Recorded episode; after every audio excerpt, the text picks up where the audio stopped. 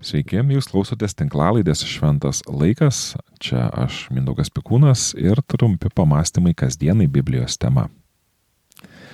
Ten buvo viena moteris jau 12 metų serganti kraujoplūdžiu, nemažai iškentėjusi nuo daugelio gydytojų ir išleidusi visą, ką turėjo. Ji niekiek nepasitaisė, bet ėjo dar blogyn ir blogyn. Išgirdusi apie Jėzų, ji prasiskverbė prominę ir iš užpakalio prisilietė prie jo apsausto mat jis savo kalbėjo, jeigu paliesiu bent jo drabužį, išgysiu. Bemanant kraujas jai nustojo plūdės ir ji pajuto kūnu, kad yra pasveikusi iš savo negalės. O Jėzus iš karto pajuto, kad iš jo išėjo jėga ir atsigręžęs į minę paklausė, kas prisilietė prie mano apsausto? Mokiniai jam atsakė, pats matai, kaip minė tave spaudžia ir dar klausė, kas mane palėtė?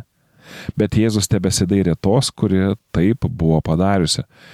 Moteris išėjo į priekį išsigandusi ir virpėdama, nes žinojo, kas jai atsitiko ir puolusi prieš jį ant kelių, papasakojo visą teisybę. O jis tarė jai, dukra, tavo tikėjimas tave išgelbėjo, eik rami ir būk išgyjusi iš savo lygos.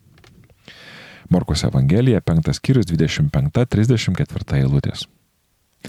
Esu tikras, kad kiekvienam iš mūsų yra tekę matyti, kaip paukštis staiga pakyla nuo žemės ir atrodytų be didesnių pastangų neria dangaus link. Mes galime tik įsivaizduoti, su kokiu lengvumu ir pasitenkinimu jis laisvai sklando viršuje. Skaitydamas šią istoriją aš pabandžiau įsivaizduoti paukštį, kuris būtų pririštas prie žemės. Kiekvieną kartą, kai jisai ketintų nuo jos atsiplėšti, jam padaryti tai būtų neįmanoma. Net ir turėdamas paukščio smegenis, galiu spėti, gyvūnas būtų pakankamai nusivylęs ir nusiminęs. Ką tik skaitėme apie moterį iš Morkaus Evangelijos, kuri 12 metų sirko kraujoplūdžiu. Greičiausiai ji turėjo šeimą, nes tuometinėje visuomenėje beveik visos moteris buvo ištekėjusios. Tačiau ji negalėjo būti tokia mama ir tokia žmona, kokiai natūraliai norėjosi. Jau pats kraujavimas turėjo ją sekinti, tačiau su lyga susiję apribojimai, varginti ir varžyti turėjo dar labiau. Tai nebuvo iš piršto lauštos taisyklės, tai buvo gera tuometinė medicininė praktika, kurios tiklas buvo, kad žmonės panašus į šią moterį neapkrėstų kitų. Techniškai kalbant, ji buvo susitepusi, nešvari, ją, supant, ją supantys aplinkiniai galėjo laisvi gyventi kaip panorėję, tačiau ji buvo prikaustyta, suvaržyta, atrodytų neišgydomos lygos. Tačiau, tačiau ji pasiryžo vienam paskutiniam bandymui išsivaduoti, kuriuo pasinaudojo kiti ir tik dar ne ji. Smarkiai rizikuodama, nes jei žmonės būtų sužinoję apie jos lygą, jie nebūtų leidę jai drąsiai skintis kelią pro minę. Ji prisertino prie Jėzaus ir jį palėtė. Pagal tuometinės taisyklės, toks jos prisilietimas padarė ir turėjo padaryti ir patį Jėzų nešvariu.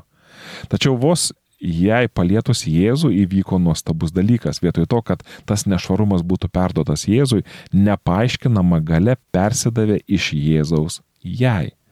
Jau vien šis faktas skamba neįtikėtinai, nes niekur kitur Evangelijose nėra pasakojama apie tai, kad Jėzus pajustų, kaip iš jo išeina gale. Greičiau, jis savo gale sąmoningai gydo pas jį ateinančius prislėgtuosius e, įvairiausių negalių. Šio pasakojimo geroji žinia yra ta, jog vietoj to, kad jis, Jėzus, taptų nešvarus, jis e, išgydo e, moterį. Jėzus šiame pasakojime yra pateikiamas likoks akumuliatorius, prie kurio prisijungus, pavyzdžiui, kaip telefoną prijungus prie akumuliatoriaus, šis pasikrauna, o iš akumuliatoriaus ši elektros įkrova išeina. Žinoma, toks Jėzaus sulyginimas su pigia mobilaus telefono išorinė baterija yra vargana iliustracija to, ką Dievas mums siūlo ir kaip tai galime gauti. Jėzus yra begalinis gyvybės šaltinis. Jis išlaiko visą, kas gyva. Prie jo yra prisijungęs kiekvienas gyvis ir Dievas dėl to netampa nei kiek silpnesnis. Tačiau šis pasakojimas apie moterį ir Jėzų mums primena, kad tikėjimu mes prisijungiame prie energijos šaltinio, kuris nėra akivaizdžiai matomas fizinė akimi. Biblijoje yra ne viena istorija, kur išgydytajam atrodytų nereikėjo turėti tikėjimo, kad būtų išgydytas. Taip kartais Dievo malonė prasiveržia meilės darbais tiems, kurie tikėjimu dar net jo neieško. Tačiau Biblijoje taip pat yra apstų istorijų, kuriuose yra pabrėžiama tikėjimo svarba. Ir šis pasakojimas apie sergančią moterį yra kaip tik toks. Visa gale ateina iš Dievo, tačiau tarpininkas, kurio pagalba ši gale pasiekia žmogų ar aplinkinius, yra tikėjimas. Pabandykite įsivaizduoti, kad stovite minioje ir stebite visą šį įvykį aprašytą Morkaus Evangelijoje.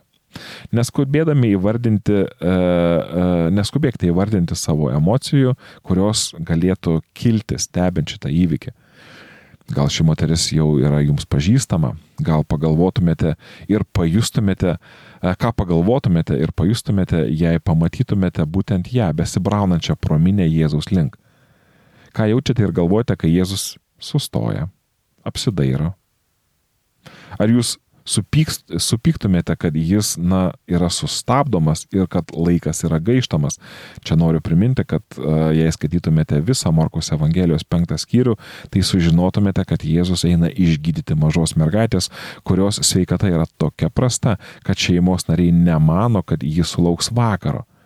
Ir Jėzus eina į tuos namus ir kiekviena minutė yra svarbi. Kaip jūs pasijustumėte išgirdę, kad moters tikėjimas ją išgydė? Ar jūs turite tokį tikėjimą? Jei ne, ar nejaučiate nors kiek pavydo šiai moteriai? Žinoma, tai keletas klausimų, kurie galėtų padėti pabandyti įsijausti į šitą istoriją ir pasižiūrėti į ją ne iš išorės, bet jei taip galima pasakyti, iš vidaus. Jėzus skuba, taip, tačiau jis visada turės laiko tau ir išklausys, ką tu turi jam pasakyti. Jis spėja viską. Taip kaip padėjo šiai vargšiai moteriai eidamas prikelti mergaitės iš mirties, jis turės laiko ir tau. Gal jis jūsų paklaus, o ko tu labiausiai nori, kad aš to padaryčiau. Gal jis privers jūs susimastyti paklausdamas, ar tiki, ar nori būti laisvas, kaip laisvas yra dangun kylantis paukštis. Ši istorija man pasakoja apie žmogaus drąsą ir, aišku, apie Jėzaus meilę. Būkime drąsūs, pasitikėdami jo tai yra Dievo meilė, ir artėdami prie jo, pasitikėkime, kad jis neatstums nei vieno, kuris pas jį ateina tikėdamas. Pabaigai norisi priminti, kad ši tinklalaidė yra išlaikoma jūsų laisvanoriško prisidėjimo. Kad šių ir įvairesnių tinklalaidžių būtų sukurta daugiau, noriu pakviesti paremti Šventas laikas veiklą per Contribui rėmimo platformą. Ir žinoma, jau dėkoju tiems, kurie tai padarėte.